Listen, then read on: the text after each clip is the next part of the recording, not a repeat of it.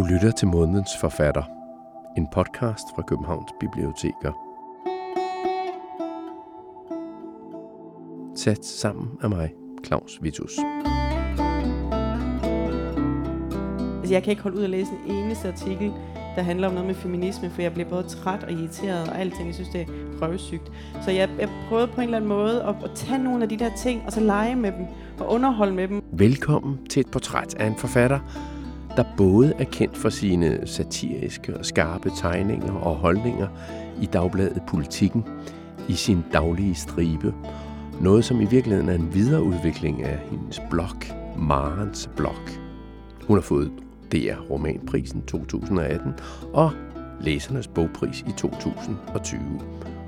Hun hedder Maren Uthaug, og hun var i oktober 2022 inviteret til at tale om sin seneste bog, 11 procent hedder den, og tale om den på Hovedbiblioteket, hvor hun blev interviewet af bibliotekar Karoline Inghoff Mogensen fra Københavns Biblioteker Blågården. Og Karoline fortalte ærligt og redeligt, at hun på forhånd var meget begejstret for Maren Uthaug, og havde derfor lavet en troserklæring, som de begge to læste op som begyndelsen på samtalen på Hovedbiblioteket. En troserklæring, der begyndte med Vi forsager patriarkatet og alle dets skærninger og alt dets væsen. Vi tror på modergudinden, den almægtige. Ja, nu er det jo så mig, der læser det her op. Men det er fordi, at lydoptagelsen fra arrangementet først blev startet lidt inde i troserklæringen, som de to kvinder læste op af. Men her er slutningen, den kommer lige om lidt, og det er så også begyndelsen på denne podcast. God lytning, og lad nu være med at blive forskræmt. Også selvom du er mand. God lytning. At have empati med levende og døde. Vi tror på den hellige moder, den hellige almindelige menstruation, synderne, kødets lyst og den evige orgasme. Sut min klit. Amen.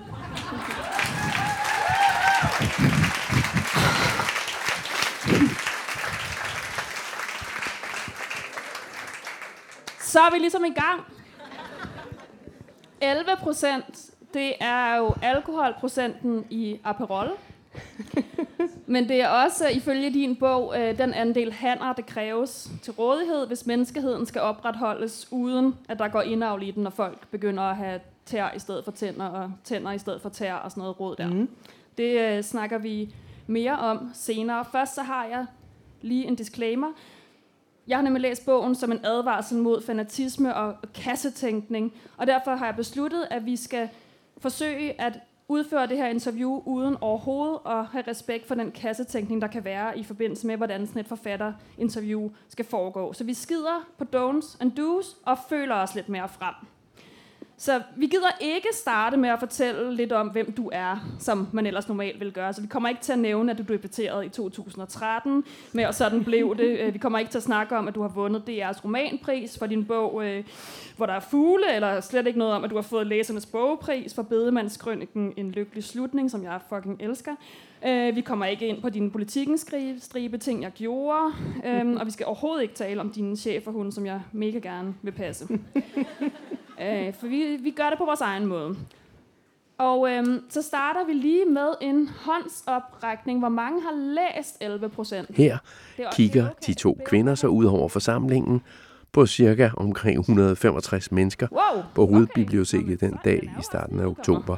Fedt nok, mand. Og der var mange, der havde læst 11 øhm, Det er godt at vide. Det er i hvert fald... Øh... Det er derfor, de er kommet. Det vil ja. sige, læst. ja.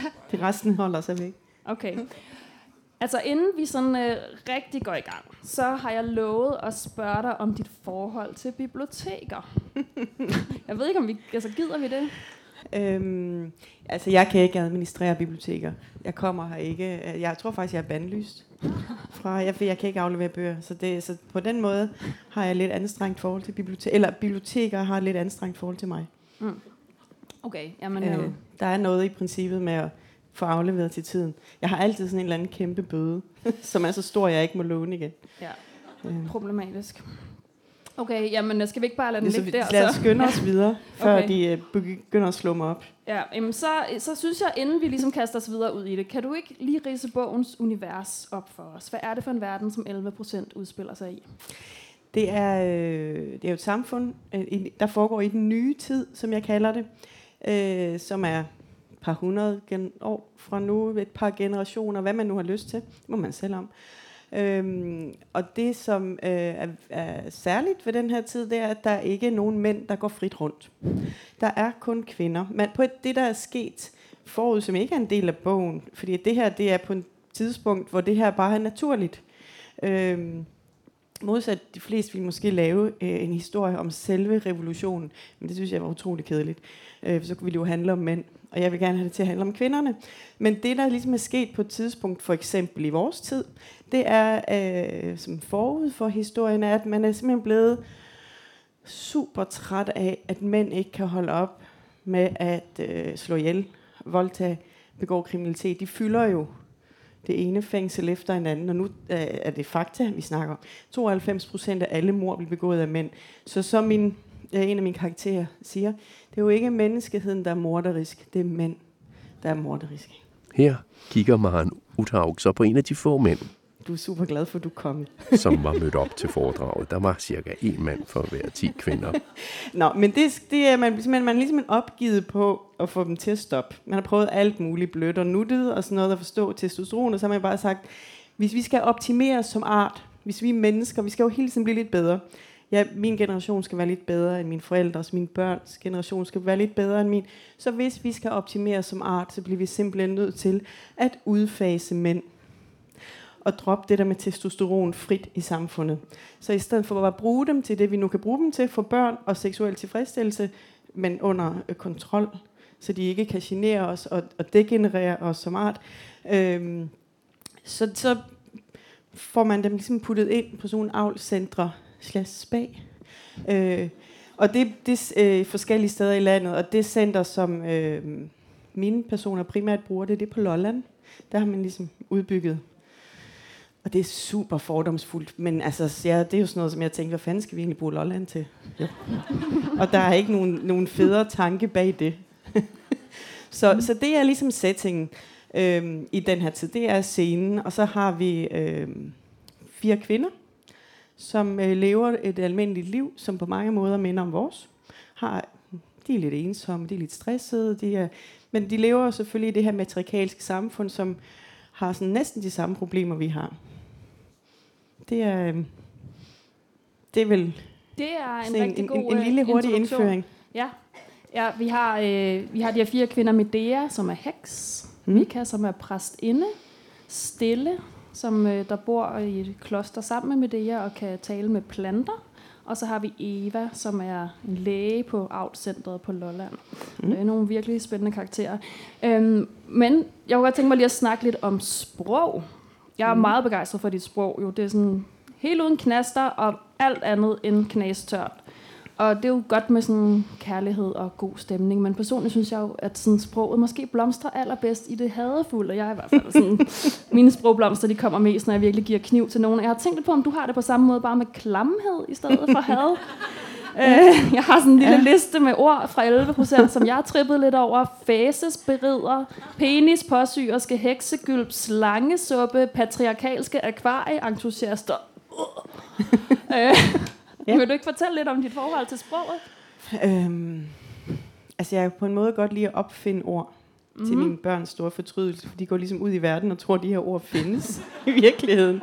Kommer virkelig tit stadig hjem og siger, det ord findes jo ikke, mor. Jo, jo, men prøv lige at høre, hvor fedt det lyder. Så er det noget, jeg har opfundet, ikke? Øh, så det kan jeg godt lide, at, at bare skrive dem som om, at, at øh, altså penis på syrisk og sådan noget, som om det som selvfølgelighed findes i verden. Og så synes jeg især, at den her, synes jeg, det var lidt sjovt at tænke på, øh, altså så helt lavpraktisk, helt simpelt, for eksempel det der med, at når vi snakker om sex i dag, så er det altid, at manden skal penetrere. Og det gør man jo selvfølgelig ikke i den her tid. Så der øh, er det jo sjovt at lege med sproget og sige, at øh, når man nu omslutter man, for det kunne jo lige så godt være sådan i vores sprog, at vi omslutter manden, og det ikke er den der evige. Øhm, det andet virker mere brugbart, ikke? Og det der, også det der med at gøre kvinden til den aktive part, i stedet for det manden, der har. For der ligger en eller anden magt i det der penetration. Så det synes jeg også var sjovt at lege med. Men ja, jeg har noget med klamhed, og det, er, jeg har stadig til gode at skrive en sexscene, der ikke er mega gusten. Det, kan, det, det, det er, min kæreste er en lille smule bekymret, men det, det, det kommer altid til at lyde som sådan noget de grå sider, og det kan jeg ikke. Så det, jeg, jeg øver mig. Det, det er vi mange, der er glade for, at du, øhm, at du holder dig til det, det klamme der, tror jeg.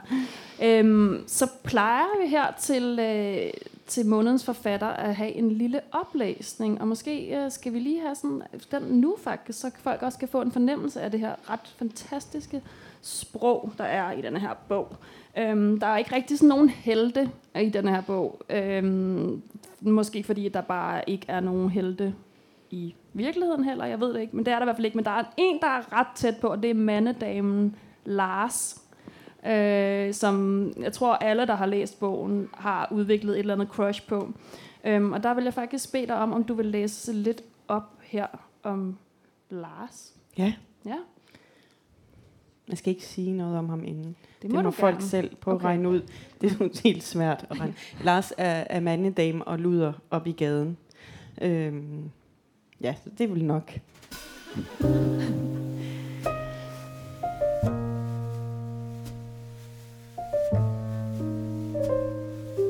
Lars havde næsten altid et barn hængende, der drak grådigt af hans bryst.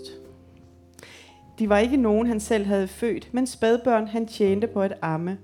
Der var altid kvinder, der af forskellige årsager valgte en alternativ løsning i forhold til de offentlige muligheder.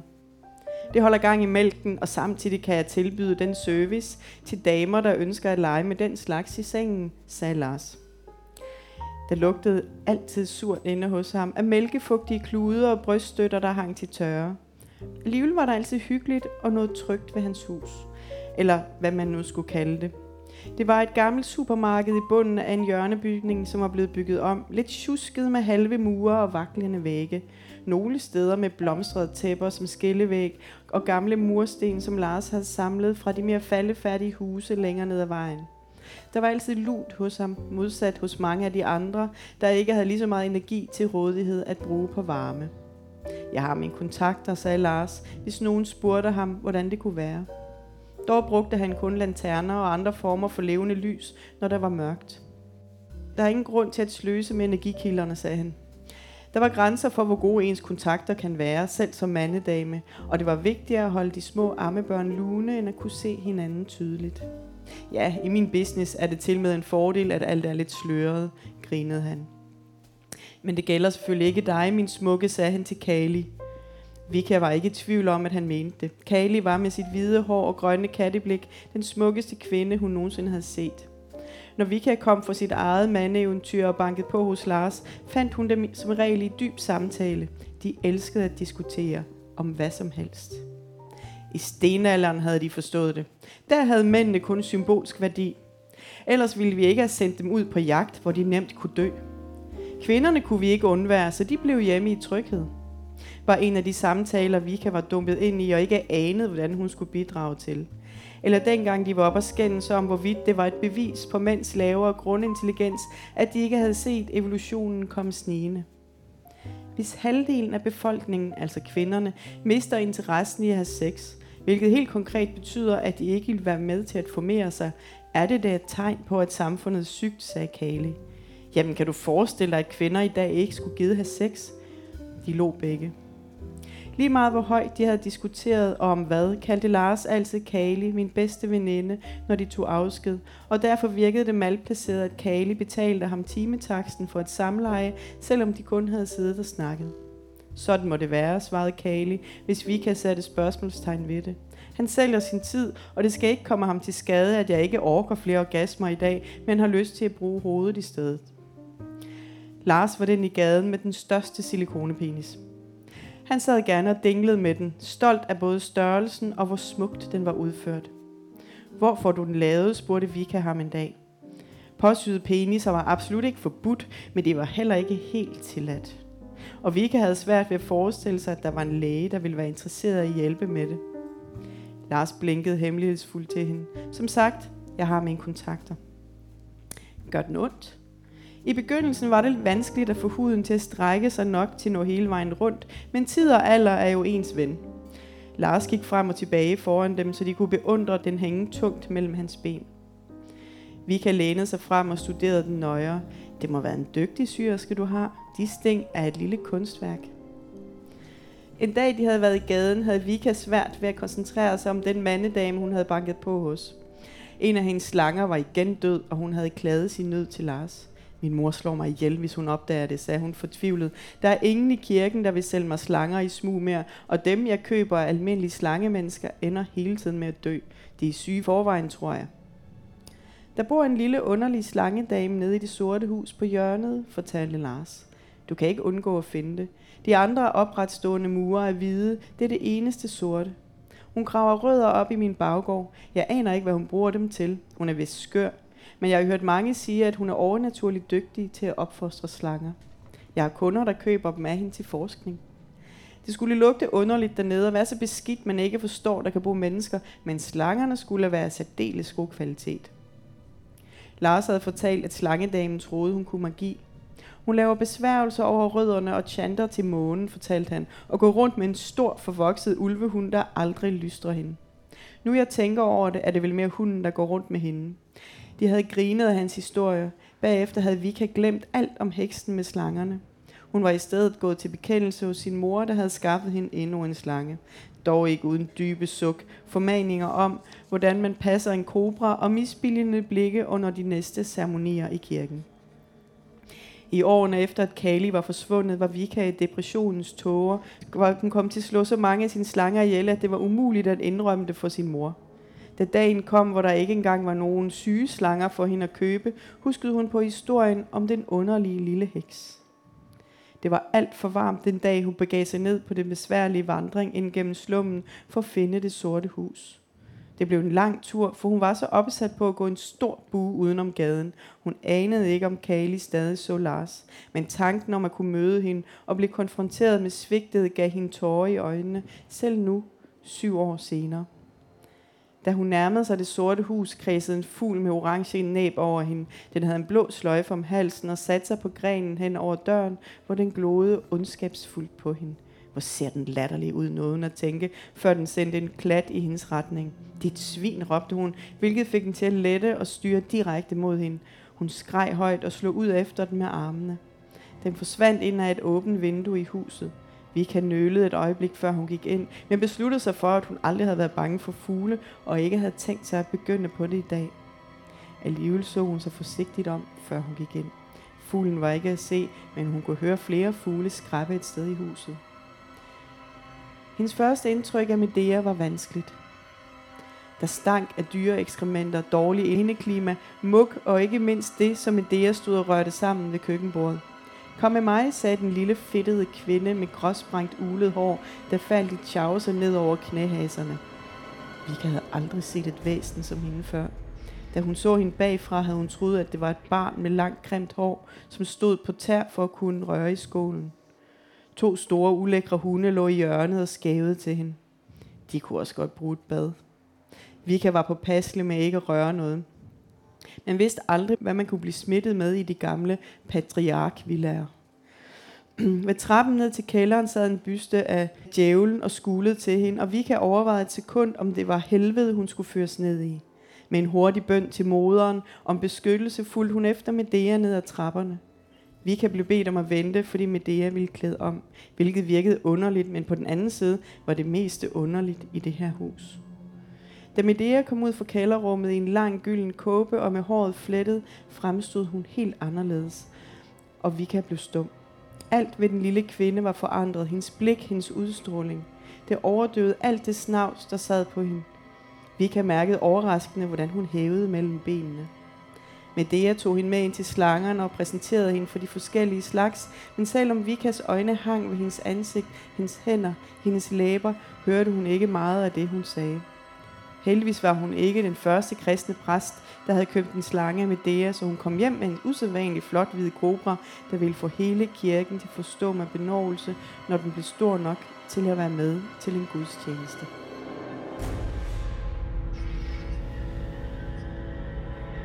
Woo! Vi klapper lige.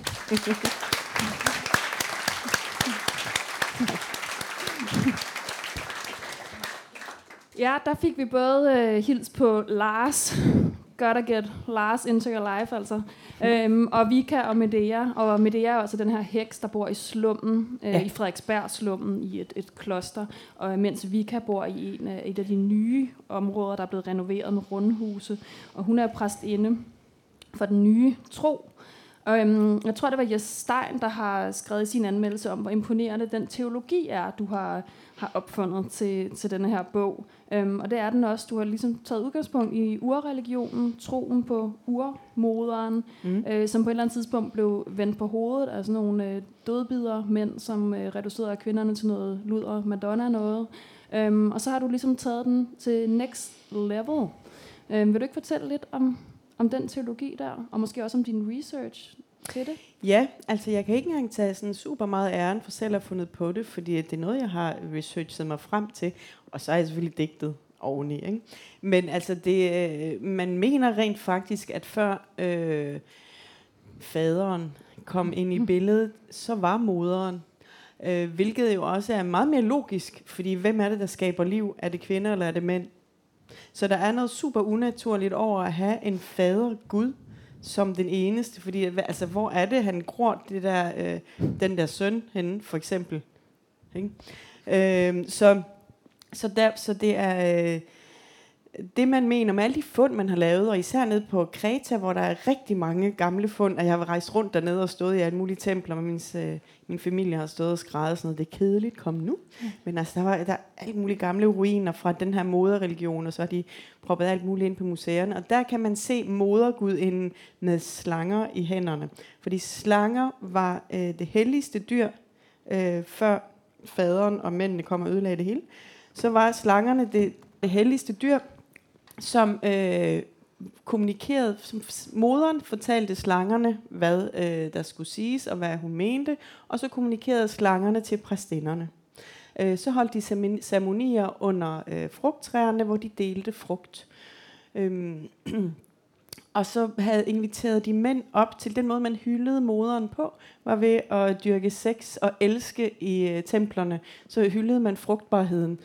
Og øh, de mænd, der kom derop, de var jo de særligt udvalgte og de særligt heldige. Øh, og de blev, man slog dem ikke ihjel. Det var ikke på den måde en, øh, en evil religion. Nogle gange kastrerede man dem bare for, at de ikke skulle ligesom, tage øh, det guddommelige med videre. Så det var jo pænt også. øh, nej, men det der så er det, som jeg synes var interessant, for at gøre det meget kort, fordi det her, det kan jeg gøre utrolig langt, fordi jeg blev så grebet af det. Øh, det, som jeg synes er virkelig underholdende ved det, det er, at så det, der stod i de her bøger med mænd, kom fra nord og havde det sådan lidt, hey, det er da ikke passe, at det er damer, der er præstinder, og at deres døtre arver hele lortet, og mænd, de er bare sådan nogle, der kommer op ind imellem og knalder, og så skal de skride igen. De ejer ingenting. Det vil vi ikke være med til. Vi vil simpelthen også have en del af kagen, at vi vil faktisk have hele kagen selv nu.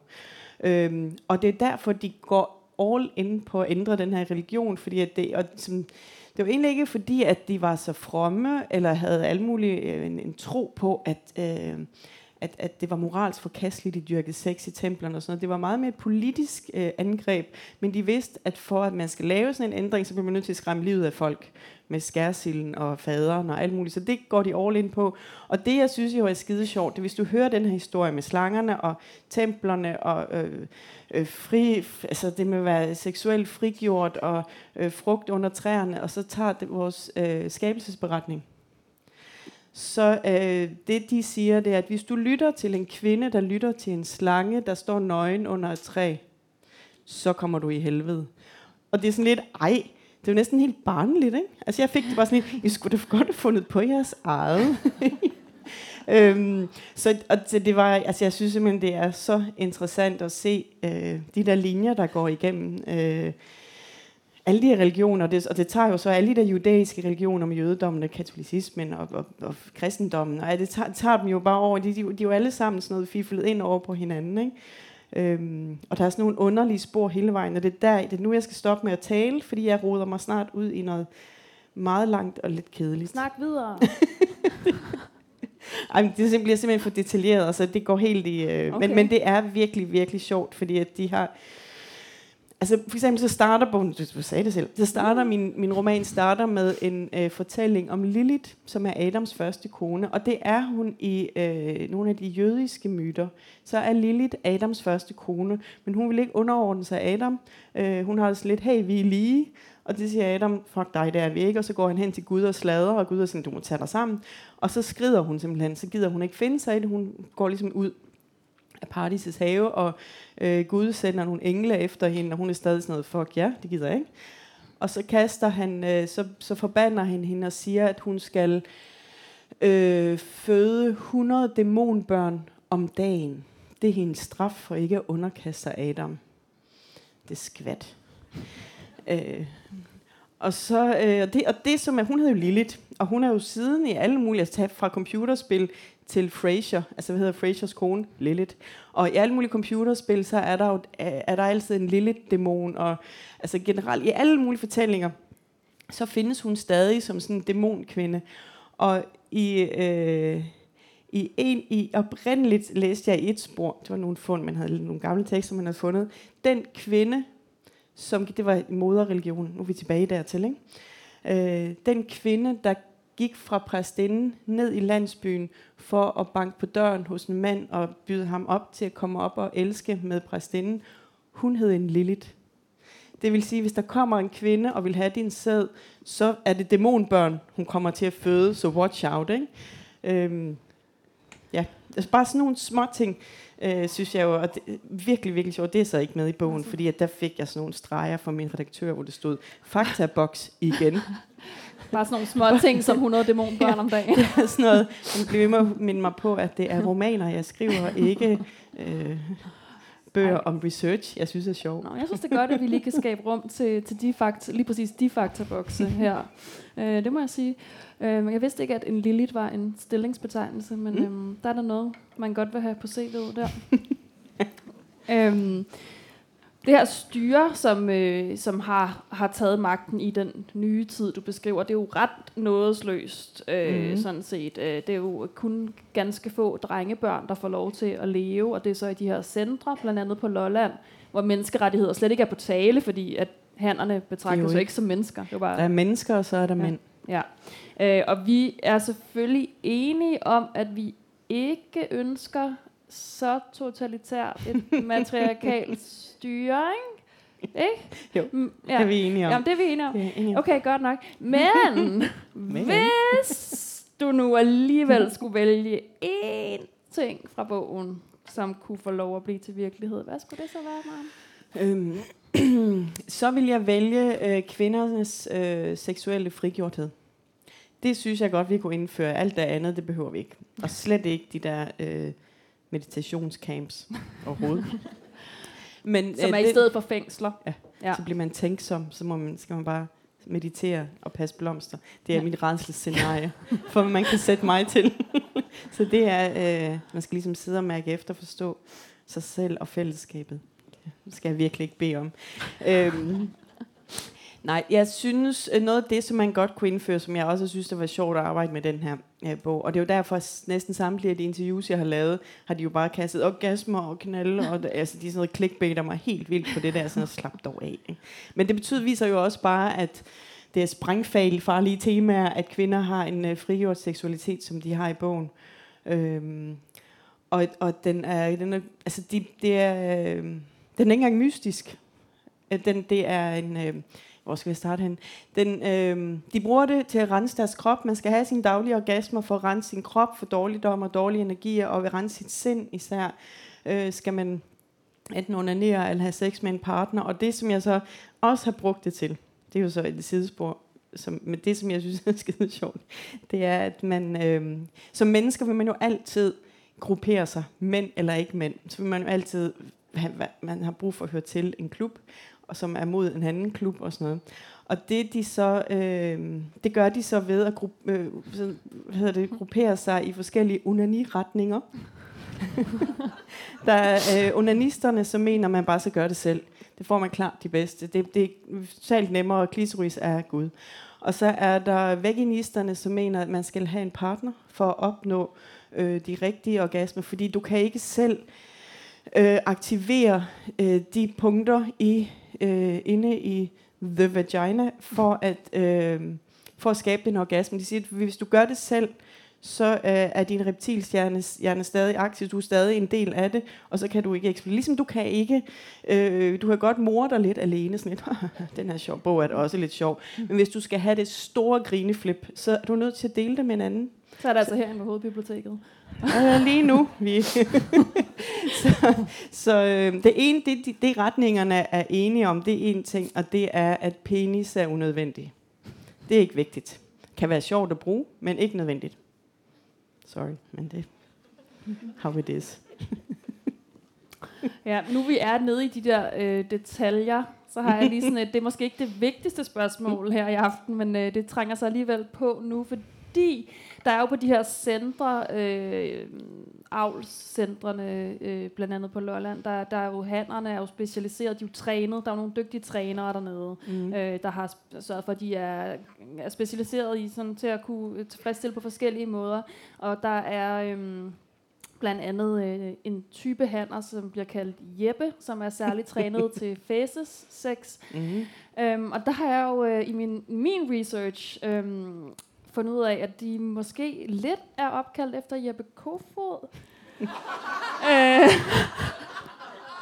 og så blev jeg, og da, det, da jeg læste det, så gik min hjerne sådan fuldstændig i gang, for der er også, man kan også få, altså det er ligesom alle, der, alle de her faces træner, men de, det hedder bare én Jeppe, ikke, som ja. begreb. Ja. De, er, de har ikke navne, men Nej, de, de er opdelt i typer. Ja. Enten hvordan de ser ud, eller hvor store de er, eller hvad, hvad, hvad de nu, om de har mange hår på, om de har en dyb stemme, eller de har en yeah. fistelstemme, eller så er de delt op i kategorier, også efter hvad de, kan, hvad de har af speciale. Ikke? Yeah. Og så hedder de sådan noget med en Karsten, yeah. Karstenen, øh, flere Karstener. Øh, men de er simpelthen bare en Karsten-type, og så har de sådan navne for det. En Chris er sådan en all-round lojal type. Ham går du aldrig galt i byen med.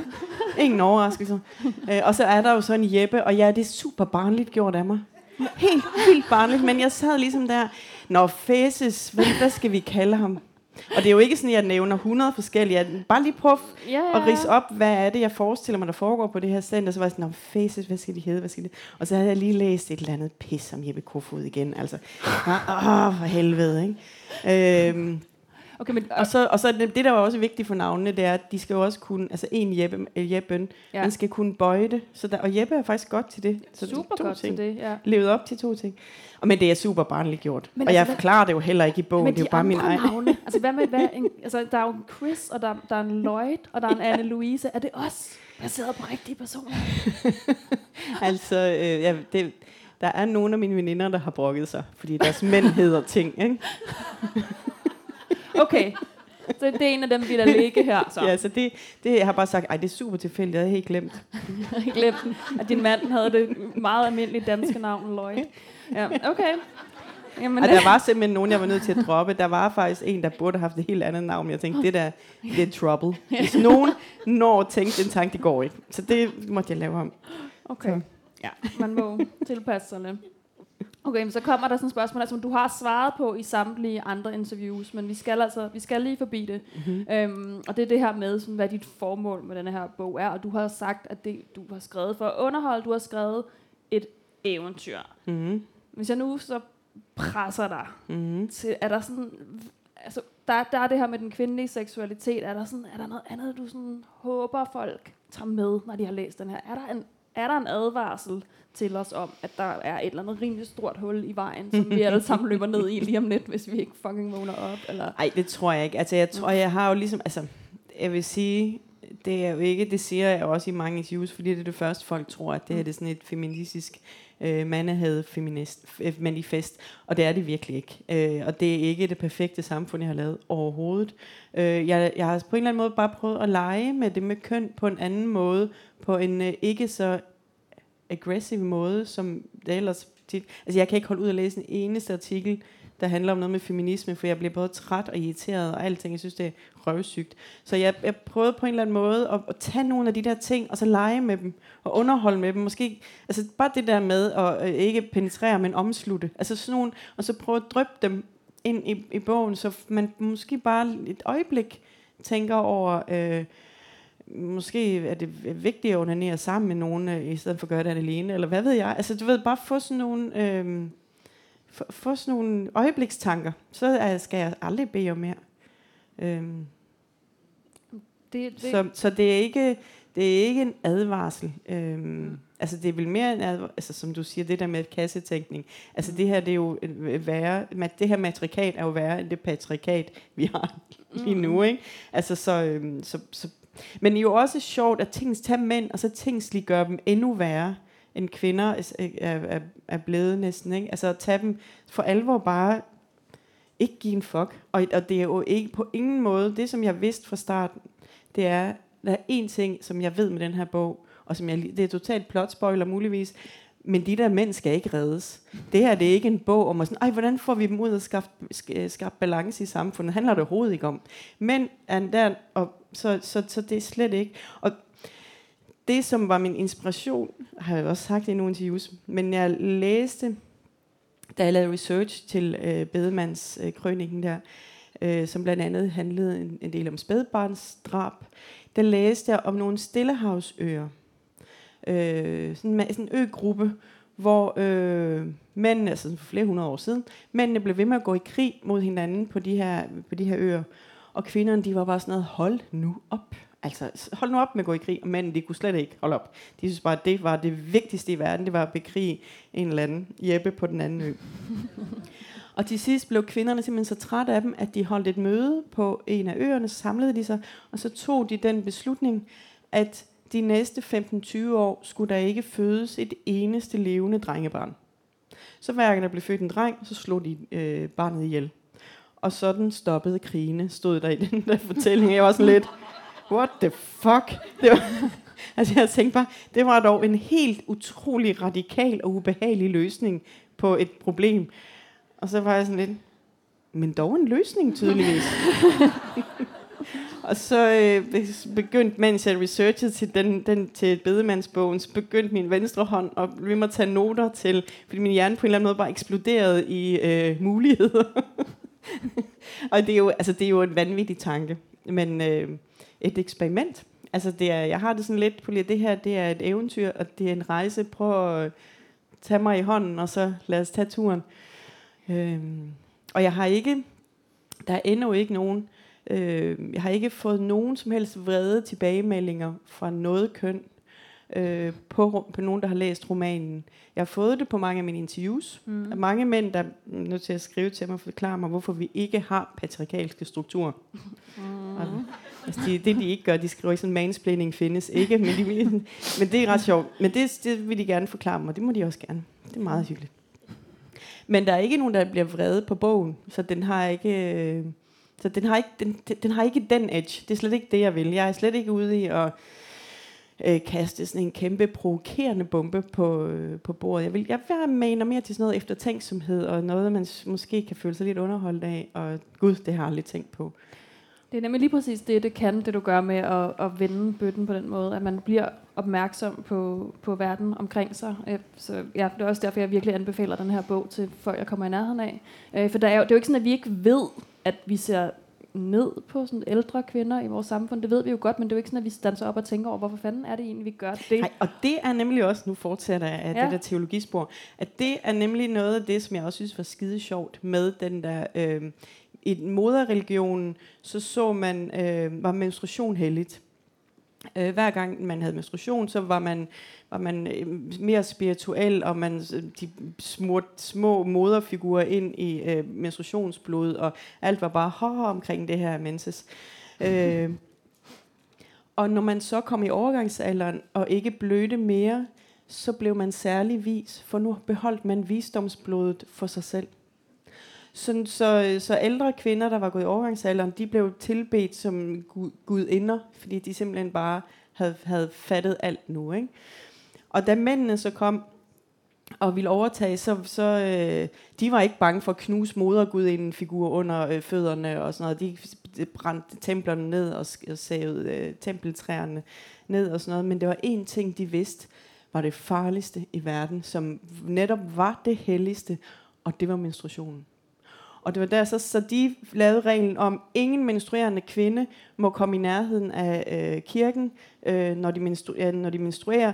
De må ikke engang røre ved maden. Mænd måtte ikke røre ved deres kvinder, når de havde menstruation. Det blev gjort sådan helt uh, super farligt, for de vidste godt, at det kunne de simpelthen ikke, øh, det kunne de ikke hamle op med, lige meget hvad de prøvede at gøre. Ikke? Det var simpelthen så heldigt.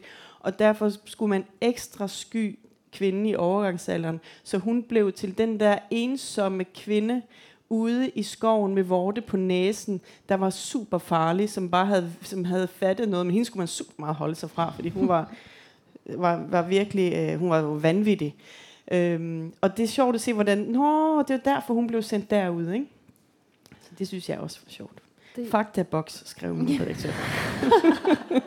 Vi tager altså alle faktabokse her i aften. Det er jeg mega glad for. Øhm, i, i, hvad hedder det, øh, i anmeldelserne og, og omtalerne af bogen, der er der ingen, der ligesom har goddyser for at, at sammenligne med, med Tjenerindens fortælling øh, af Margaret Atwood. Jeg ved ikke, om du er fucking træt af det, eller det er for du får lige lov til at veto her. øhm, om du orker snakke om det. Skal vi lade Maggie sejle i sin egen sø? Øhm, eller, eller vil du snakke lidt om, øh, om den fortælling, om, om Nej, altså til det, den? Og, jamen, nej, nej, det Nej. synes jeg er meget fint. Altså, jeg, Ja. har ikke, øh, jeg har ikke haft den som inspiration, og jeg Nej. har ikke haft det sådan, at, at øh, uh, jeg skal lave en omvendt, og øh, s- slet ikke. Så, og jeg synes, den er, den er meget forskellig fra Mm. øh, Handmaid's Tale, øh, hvor hun har en helt anden præmis. Altså, der har jo været en borgerkrig, og så er kvinderne blevet... Øh, det er jo kvinderne, der så er fanget... Eller, nogle kvinder bliver, bliver fanget ind for at føde børn, ikke? Øhm, så det er jo en anden, et andet grundpræmis end, øhm, end, end, end, bogen, end min bog. Og så har jeg det sådan lidt på det, er jo den øh, dystopi, kønsdystopi, som vi, vi øh, har haft for nylig, altså vi kender for nylig, så selvfølgelig bliver den sammenlignet med. Der er jo, og, altså hverken Margaret Atwood eller min tanke er jo unik overhovedet. Så, så der er jo øh, mange af de andre øh, sådan matriarkalske dystopier, jeg har læst, vil jeg da sige, at min bog ligger tættere på, hvis man skal, hvis man skal sammenligne med noget. Ikke? Skal det også Øh. bare, fordi folk de sådan ønsker sig en Netflix-filmatisering af din bog? At det, at det popper op i hovedet på dem. Ja, jeg har det sådan lidt. Det ville da være skide sjovt, og good luck med det. Men det kunne da selvfølgelig være sjovt. Det kunne være mega sjovt. Øhm, den er jo skrevet, du har skrevet den under corona, Mm. øh, og i det hele taget skrevet den under en ret sindssyg tid. Øh, Mhm. Det er jo sådan en rimelig hardcore tid, vi lever i, må man sige. Øh, corona, krig og kriminalisering af abort og alt muligt. Og er der sådan noget, der, at alle de her vanvittige ting, der sker, var der noget, der skete undervejs, som fik dig til sådan, som påvirkede den direkte? Altså som fik dig til sådan, det bliver simpelthen nødt til at ændre, eller ændre kurs, eller slet, eller tilføje. Ikke, ikke, yd, ikke sådan noget ydre politisk. Der var mange Mm. ting, der er sket inden for hjemmets fire vægge, som altså for eksempel, jeg har tre meget store cheferblandinger, og der er jo meget store chef, eller ikke chef, ulvehunde har jeg kaldt dem. Ingen Mhm. opdager det. Jeg har talt røgslør her, ikke? Øh, og mine hunde fik også valpe, og det gør, øh, så det handler også lidt om døde hundevalpe, Mm. Øh, som den fodrer til slangerne og sådan noget. Så ja, der var mange af sådan nogle ting. Og selvfølgelig, jeg husker, at jeg fortalte min øh, redaktør om bogen, der havde skrevet de første øh, 100 sider, så havde jeg sendt dem til ham, og han havde læst dem og printet dem, og så mødtes vi på to bænke, øh, lige der, hvor Lars bor. Fordi det er et rigtigt sted. Der skal jeg hen. En lille Irma på Gammel Kongevej. Mm. Det er der Lars bor. Og, øh, og klosteret, hekseklosteret, det er mit eget hus. Så jeg kunne næsten ikke, jeg kunne ikke komme ud af der, hvor jeg sad. Så der mødtes vi lige, hvor Lars bor, og så sad vi på den her iskolde bænk i februar og snakkede om det her manus, og der var øde. Fordi at der var, vi måtte jo ikke engang, vi måtte sidde på hver vores bænk, ikke? Så stemningen var jo super weird, og så gik vi en tur i alle de her tomme gader, og for vild på Frederiksberg. Hvem kan det? Men det kunne vi. Og vi kunne ikke spørge nogen, hvordan vi kom ud af det her virvar og sådan noget. Så det var så mærkeligt, øh, og passede på en eller anden måde. Altså sådan, når jeg tænker på bogen, og hvordan det har været i øh, Frederiksberg slummen. Jeg har lavet det til slum i bogen, fordi det er ikke... Øh, det, det er ikke, man må gerne bo der, men det er ikke sådan... Mm, jeg synes, det er lidt pinligt at bo i den her gamle, de gamle patriarkalske bydele med de lige veje og de firkantede huse. Tankerne støder jo hele tiden på de hjørne. De skal jo kunne gå rundt i en ring, tankerne. Ikke? Øh, så, man, så man bryder sig ikke om de her gamle patriarkalske bydele. Man venter på, at moder jord opsluger de sidste øh, stykker med mure og vinduer og, og ta, øh, tag og sådan noget. Hvis man må gerne bo der og holde det ved lige. Øh, det, det så er der ikke så mange regler på den måde. Men man vil ikke, som testosteron vil gøre, vil jo smadre lortet, rydde det, bare bygge noget nyt. Det vil man ikke. Moder Jord skal have uh, muligheden for at rydde op i de gamle, skadelige patriarkalske energier. Og det tager nogle hundrede år. Østerbro er lige blevet uh, finkæmmet. Den er blevet opslugt. Så øh, det sker nok også snart med Vesterbro, mener man. Det foregår også lidt i Aarhus, så Trøjborg er også nu et pænt rundområde. Og Mm. Der er jo nogen, der hjælper den her nedbrydning på vej, i, Ja. øh, som er rottepigerne. Nu er vi er ved sådan ja, øh, de er sådan noget nye ord. 130 år gamle. Ja, Rottepiger hedder de. Ja, og går rundt og sætter rotter ud, der kan gnave på bygningerne. Øhm, ja. Øhm, vi har lidt, ja, vi har stadig noget tid tilbage, inden uh, publikum også øhm, får lov til at, øh, at stille spørgsmål. Øhm, der er lige sådan, nu har vi jo lovet at skide på do's and don'ts og sådan noget. øhm, og der er sådan en ting, jeg har virkelig har lært på den hårde måde i forhold til forfatterinterviews, det er, at man må aldrig spørge en forfatter, hvad et eller andet betyder i deres bog. Og sådan, ikke, slet ikke slutningen. Altså, jeg har engang måttet sende en undskyldning til en forfatter, fordi jeg havde spurgt om det, og hun sagde sådan, skal jeg svare på det? Øh, men øh, men det, så, det tænker jeg, vi lige skulle gøre nu øh, med dig. Øh, og i bogens slutning, der ser det jo meget øh, sort ud. Kan, jeg skal nok lade mig spoil for. Det ser ret sort ud for den kære heks Medea. Øh, og så sker der noget, noget øh, hun er efterladt i klosteret, hendes elskede slange Pythia er døende, og så sker der noget meget overraskende, og så slutter bogen altså med en udpræget stemning af håb. Hvad betyder det? er der håb for, for menneskeheden øh, på grund af kvinders omsorg for hinanden, eller... Øhm, altså, jeg kan jo ikke sige noget uden at spoil, vel? Så det kan, jeg kan jo ikke sige noget. Hvad, hvad, jeg, hvad meningen er med det hele. Jeg kan viske det til dig derude. Okay, Og så kan jeg, der har læst den, kan gå med ud i baglokalet. Det virker. okay jeg skulle også bare lige have Øhm, den. Altså, Ja. jeg tænker da selvfølgelig, at det er håb. Jeg er jo sådan helt naiv, der egentlig tror på kommunikation og harmoni, og hvis vi bare finder en balance, så tror jeg jo reelt på, ikke? Mm. Og det virker jo virkelig naivt, når man har skrevet det der monster. Øhm, så, øhm, så ja, jeg tænker da, der er håb Mm, for det, noget. det var da dejligt. øhm, hvad hedder det?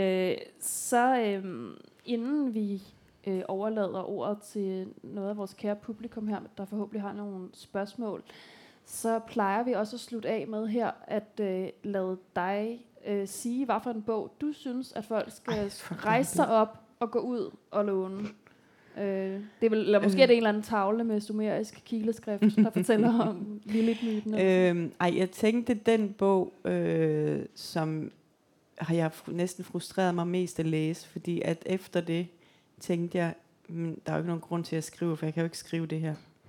Det er jo skrevet, og det er mega fedt. Det er O- Ago- hvad hedder hun, Agodi Christoph, mm. det store stilehæfte, øh, som er skrevet i vi-form. Det er tvillinger, tvillingedrenge, der er efterladt på en eller anden krig i en, eller- et eller andet land ved en eller anden grænse. Og de omtaler sig kun sig selv som vi taler. Vi sagde, vi gjorde, sagde vi. Øh, og det er, er så fascinerende. Jeg synes, den er vildt fedt skrevet. Øh, og, øh, og det jeg virkelig også godt kan lide ved den, det er, at den er, den er til at forstå, og så er den nem, et nem, nemt sprog. Altså, du ved, det er ikke sådan at det, jeg hader mest her i verden, det bøger, jeg ikke forstår, for jeg føler mig så sindssygt dum, ikke? øh, og så skulle jeg, skal læse en bog for at forstå bogen, og så bliver jeg rasende.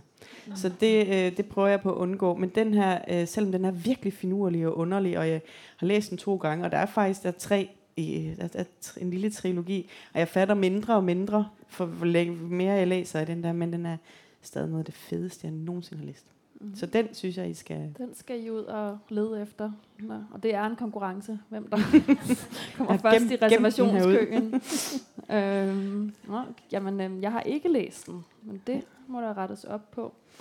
Øhm, nu har publikum lov til at stille nogle spørgsmål, og vi har Ellen med den her meget matriarkalske, øh, nej, hvad hedder det, patriarkalske, undskyld, øh, opfindelse, øh, mikrofonstangen der. I din verden, der er altså nogle ting jo forbudt. Linealer, trompeter, bulldozer, private transportmidler, aflåste toiletter, helt sikkert også nogle der mikrofoner, ikke? Ja, helt sikkert. Men øhm, er der nogen, der har øh, lyst til at stille et spørgsmål til Maren? Første række. det var da vi kom, der lagde jeg mærke til, at øh, den mandlige del af befolkningen, om man så må sige. Den er meget lavt repræsenteret her. Har det været på samme måde ved alle de andre forhold? Det er det generelt ved litteraturarrangementer. Er det det? Mm. Nej, det synes jeg ikke dem, jeg har deltaget i. Altså procentmæssigt, så synes jeg, det ligner mig. Faktisk så synes jeg næsten, der er flere mænd, end der plejer at være til litteraturarrangementer. Det synes jeg, der er. Det er, jo, der er ikke, øh, det er ikke min erfaring. Øh, men jeg synes, øh, jeg synes ikke, at, jeg synes tit, vi mangler mændene, og det er lidt trist. Det er også mit Ja, indtryk som bibliotekar. Så laver vi sådan nogle ret pinlige forsøg med sådan, nu er der litteratur og øl. Eller sådan, nu er der litteratur og pølse. At fodbold øh, på bagskærmen her. Nej. Øhm, Men det er åbenbart sådan noget her, der skal til for. Men jeg synes, det er altså det, som jeg synes er sjovest i verden. Næsten dem, der skriver de sjoveste kommentarer på min Instagram eller på Facebook.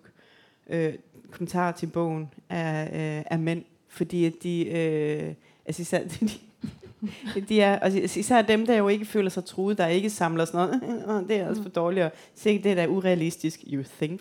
øh, men der var en, der skrev, som jeg ikke er færdig med at grine, og jeg tog et screenshot og tænkte, jeg bliver simpelthen lægge det, forstørre det, lægge det ud. Og han skrev, øh, ja ja, så skal vi medicineres. Ja ja, så skal vi afløse på. Ja ja, skal vi udfase alt muligt. Men altså, skal det vel lige være på Lolland? altså, jeg er sådan lidt, åh, elsker mænd. Virkelig, virkelig sjovt. Altså, og der er flere af dem, der lægger sådan nogle mærkelige gifs op også, hvor de sådan er helt, Oh, eller øh, fortæller om, de ikke tør tage ned på deres sommerhus. De der sommerhus på Lolland med at være bange for, at døren pludselig er låst udefra. Ja, det er Så også, det, øh, øh, og det, det er virkelig, virkelig sjovt. også synes uhyggeligt, jeg. hvis man skal spærre sig ind, og det så skal være i sådan en nedlagt LaLandia, ikke? De var, præcis, de var sådan lidt, "Jamen, hvad med Køge bare? Kunne vi forhandle lidt? Har vi andre spørgsmål? Ja, der er et på anden række. Vi, vi tager et per række, tror jeg. Nu snakker jeg meget omkring det der matriarkalske samfund og Mm. sådan noget, men det er jo lige præcis mændene, der har fået titlen på bogen. Ja. Hvilke tanker havde du bag titlen? Øhm, jamen altså, det, det, det ved, har jeg også tænkt på, men det er, så de burde faktisk ikke have, øh, de burde ikke have titlen, og samtidig så er det en direkte indføring i, hvad bogen handler om, fordi man tænker, hvad fanden står 11 procent for, så vender man den om, og så fatter man, hvad det er for et samfund. Ikke? Og et eller andet sted burde jeg jo heller ikke starte bagsiden med at forklare, der er ingen mænd. Altså det er jo det næste første, jeg skriver. Men man er næsten nødt til at lave settingen. Så det var et lille kompromis, jeg lavede. Øhm, og 11 procent, det, man skal ikke, det er ikke noget, når, hvis man har lyst til at eksperimentere med det, så er det ikke et, et tal, der er videnskabeligt belæg for. Det er øh, seriøst bare noget, jeg har fundet på. det, og jeg gad godt sige noget federe, end at det er et mega pænt tal. Men jeg skulle jo vælge en procentdel, ikke? af- som jeg synes, den skulle hedde. Så det kunne jeg jo så sidde og lege lidt med. Meget faldisk ciffer, sådan et tal der, ja. hvis man må lov at lige at indskyde sådan en. Men, øh, ja. Ja. Har vi nogle spørgsmål fra tredje række? Eller? Ja?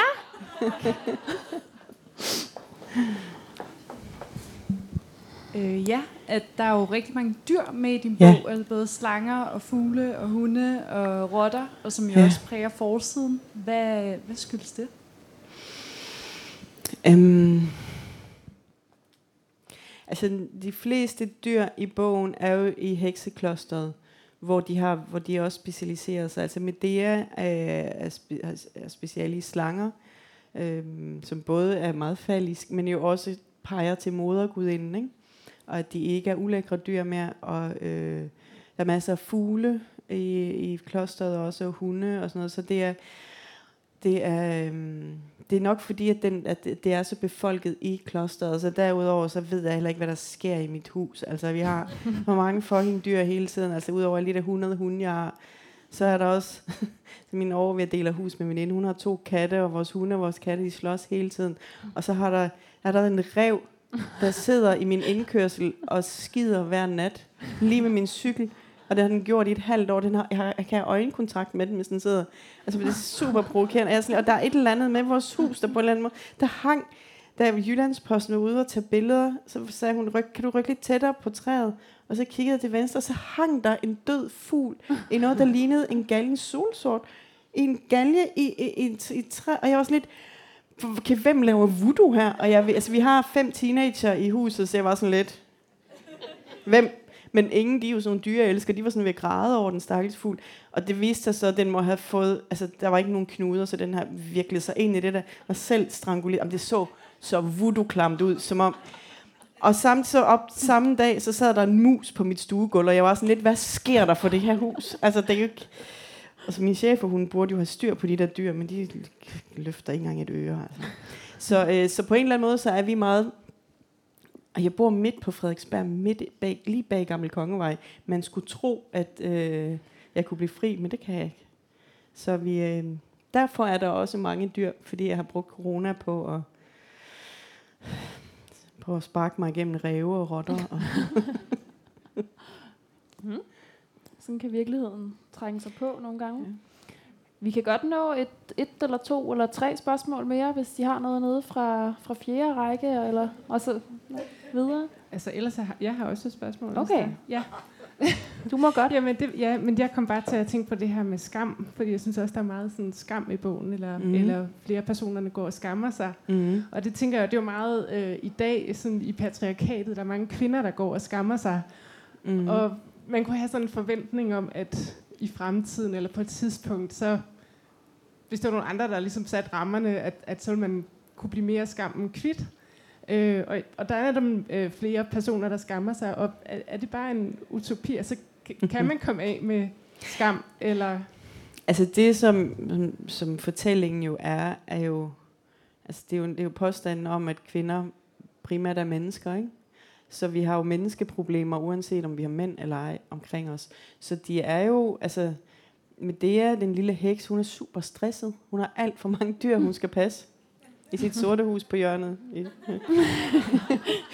Øh, så, så, øh, så hun har jo det der, og, og synes ikke, hun lever op til det, har dårlig samvittighed over for dyrene, over for de, de, den søster, der, gamle søster, der stadig lever. Og, øh, så hun har det der med, at hun ikke kan, hun kan ikke nå det hele, og Vika, hun, øh, hun har et virkelig, hun har sådan en moderkompleks, hvor moren aldrig synes, at hun, øh, hun kommer hele tiden til at slå sine slanger ihjel, som jeg læste op, ikke? Øh, hvilket er hun, hun burde være meget, meget bedre til det, og lyver om det og sådan noget. Så det er jo, altså, uanset hvordan du laver samfund, så tror jeg, at mennesker vil have de her problemer. Ligesom vi vil gruppere os, bare nu med onani, i stedet for køn og sådan noget. Ikke? Så, øhm, så jeg tror desværre ikke, at det vil forsvinde, uanset hvad man gjorde. Det er jo, men det er jo ikke de samme ting, de skammer sig over, kan man sige. Der er ikke nogen, der skammer sig over deres krop, eller deres seksualitet, eller deres onani. Ja. Er der nogen, der har et sidste spørgsmål? Eller har du noget, du, øh, du brænder inde med? Øhm, nej, jeg tror, nu har jeg sagt onani nok gange. Jeg tror, jeg er done. Så tror jeg bare, at, øh, at jeg vil sige mega tusind tak til dig, Maren. Det var virkelig interessant, og jeg kunne godt være blevet ved meget længere, og jeg vil godt have alle de der faktabokse. Jeg håber, de kommer sådan for sig på et tidspunkt i et appendix. ved siden af. Ja, tak. Øh, tak til vores store og veloplagte publikum. Mm. Øh, og så, altså, alle jer, der ikke har læst bogen, gør det. Og det store stilehæfte. Mm. Øh, tak for i aften. Tak fordi I kom.